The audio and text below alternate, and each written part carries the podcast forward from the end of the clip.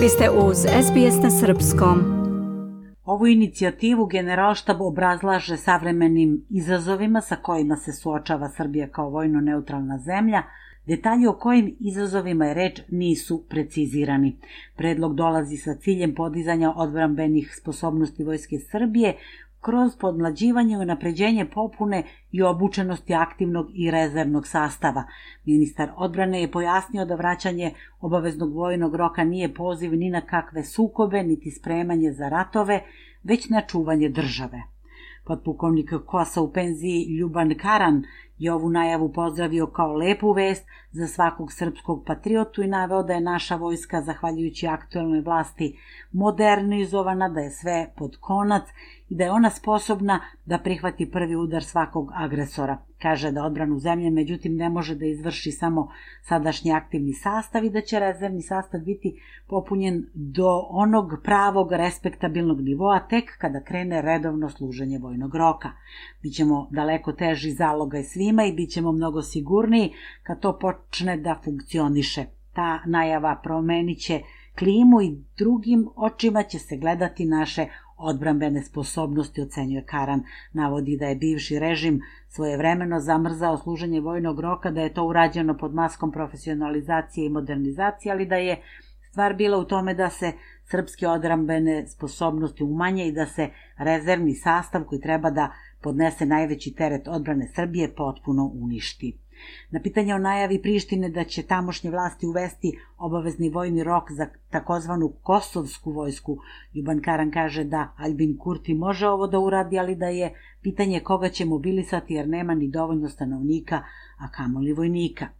Mi kao međunarodno priznata država imamo sva prava da ovo radimo, oni nemaju nikakva ukazuje Karan za beogradsku politiku i zaključuje da se sada jedno po jedno dovodi u neko normalno operativno stanje, a poslednje u tom nizu trebalo bi da bude ponovno uvođenje služenja redovnog vojnog roka, kao što je u većem delu evropskih država koje, kako kaže, nisu ni približno ugrožene kao Srbija druge strane, inicijativu za vraćanje obaveznog vojnog roka nekadašnji načelnik uprave za odnose sa javnošću Vojske Srbije Petar Bošković vidi kao smešnu i absurdnu i tumači je kao medijsko spinovanje. On je za glas Amerike podsjetio da je u proteklih 10 godina javnost u Srbiji barem 20 puta čula slične najave, a ovu poslednju objavu ministra Miloša Vučevića vidi kao skretanje pažnje sa tvrdnje o izbornim neregularnostima i dopuštanja da građani Kosova sa RKS tablicama od 1. januara neometano prolaze preko teritorije centralne Srbije, zbog čega smo umalo imali rat u protekle dve godine. Ističe da je aktivna rezerva, pasivna rezerva i profesionalni vojnici jedan paket koji je trebalo da se uvede, ali vlast po tom pitanju nije mrdnula prethodnih 12 godina. Ocenjuje i da je za četiri meseca obaveznog vojnog roka nemoguće pripremiti vojnika ni za šta drugo sem za pešadinca, dok je za, na primjer, tenkistu potrebna obuka od minimum šest, a idealno bi bilo devet meseci. Ističe da, raz, da razume potrebu vojske da se uhvati u koštac sa postojećim problemom popunjenosti kapaciteta, ali naglašava da je to posledica lošeg životnog standarda vojnika i nesposobnosti vojnih vlasti da iskoriste priliku koja se otvorila s praksom dobrovoljnog služenja vojnog roka.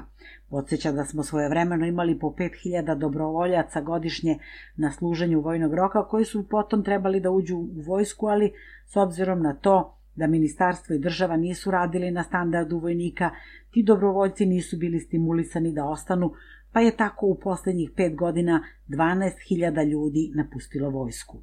Kupuje se na oružanje i vojna oprema, ali kad bi se taj novac uložio u standard vojnika, za godinu dana bio bi rešen problem, navodi Bošković uz napomenu da bi za vraćanje obaveznog vojnog roka država morala da uloži minimum 700 miliona evra u obnovu vojnih kapaciteta. Ukazuje da bi kasarne morale da se vrate bar na nivo iz vremena JNA, da treba uložiti u kompletno opremanje namešta infrastruktura, kupatila, kuhinje, pa krojači, obućari, kuvari, majstori, koje valja zaposliti za stalno. Bošković potpuno isključuje mogućnost da se ovo radi zbog potencijalnih geopolitičkih pretnji kaže da iako je Kosovo nestabilna regija, na toj teritoriji je preko 6000 vojnika NATO sa kojima je Srbija na najvišem stepenu saradnje u okviru partnerstva za mir. Za Vojni sindikat Srbije je o politikanskom potezu za koji nema valjanog objašnjenja, čak ni informacija da li će se obavezni vojni rok služiti u jedinicama vojske ili u centrima za obuku, kao što je sada slučaj sa mladićima i devojkama koji služe dobrovoljno. Novica Antić iz ovog sindikata kaže da vojsci nedostaje 10.000 regruta godišnje, ali da taj problem postoji zbog lošeg materijalnog i socijalnog položaja zaposlenih. Oni nemaju topli obrok, naknadu za prevoz, do posla, regres vojsci se već 10 godina ne dozvoljava da napravi kolektivni ugovor sa sindikatima. Ako vojnici po ugovoru nemaju ni prosečnu platu u Srbiji, kakav odziv možete da očekujete, kaže on. Antić rešenje za to ne vidi u ponovnom uvođenju obaveznog vojnog roka, već smatra da ako bi se unapredio položaj vojske, ako bi se vojni poziv učinio popularnijim, ne bi bilo potrebe za vraćanjem vojnog roka na ovaj način. Ukazuje da je čudno što inicijativa dolazi u vreme kad je vlada u tehničkom mandatu, a skupština raspuštena, kaže da bi pre uvođenja obaveznog vojnog roka neophodno bilo izmeniti čitav niz zakona i smatra da je u pitanju ipak politikanstvo i prikupljanje jeftinih političkih poena ili možda čak skretanje pažnje sa bitnih tema koje u ovom trenutku opterećuju našu zemlju. Podseća da obavezni vojni rok nije moguće uvesti zbog prigovora o savesti u Ustavu Srbije, tako da se ponovo vraćamo na dobrovoljnost jer nema modela, a nema ni javne rasprave, ali naglašava da je reaktiviranje vojnog roka referendumsko pitanje. Vojni analitičar Aleksandar Radić ocenjuje da bi bilo dobro da zaživi inicijativa za obavezno služenje vojnog roka u Srbiji, ali smatra da ljudi koji to treba da sprovedu nisu dorasli zadatku.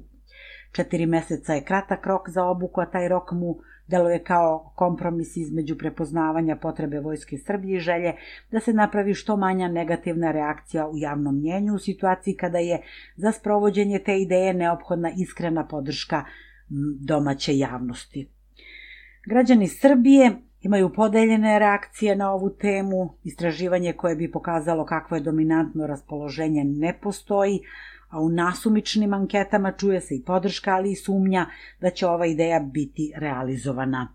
Kasarne su po Srbiji u jako lošem stanju, plate vojnicima su očajne, tako da vojska danas nije primamljiva mladima. Smatram da je to u ovom trenutku nepotrebno, zašto se ulažu sredstva u vojsku, a ne u obrazovanje, školstvo, zdravstvo. Ko hoće da ide dobrovoljno, slobodno neka ide, a i mislim da do uvođenja obaveznog vojnog roka neće ni doći, da je ovo samo skretanje pažnje javnosti sa važnih problema, neki su od odgovora mladih na ovu inicijativu. General potpukovnik u penziji Milomir Miladinović podržava vraćanje obaveznog vojnog roka i tvrdi da je četiri meseca obuke dovoljno jer su mladi inteligentnija, oprema savremenija. Ističe i da prema svim anketama preko 50% mladih i starijih jesu za obavezno služenje vojnog roka. Želite da čujete još priča poput ove? Slušajte nas na Apple Podcast, Google Podcast, Spotify ili odakle god slušate podcast.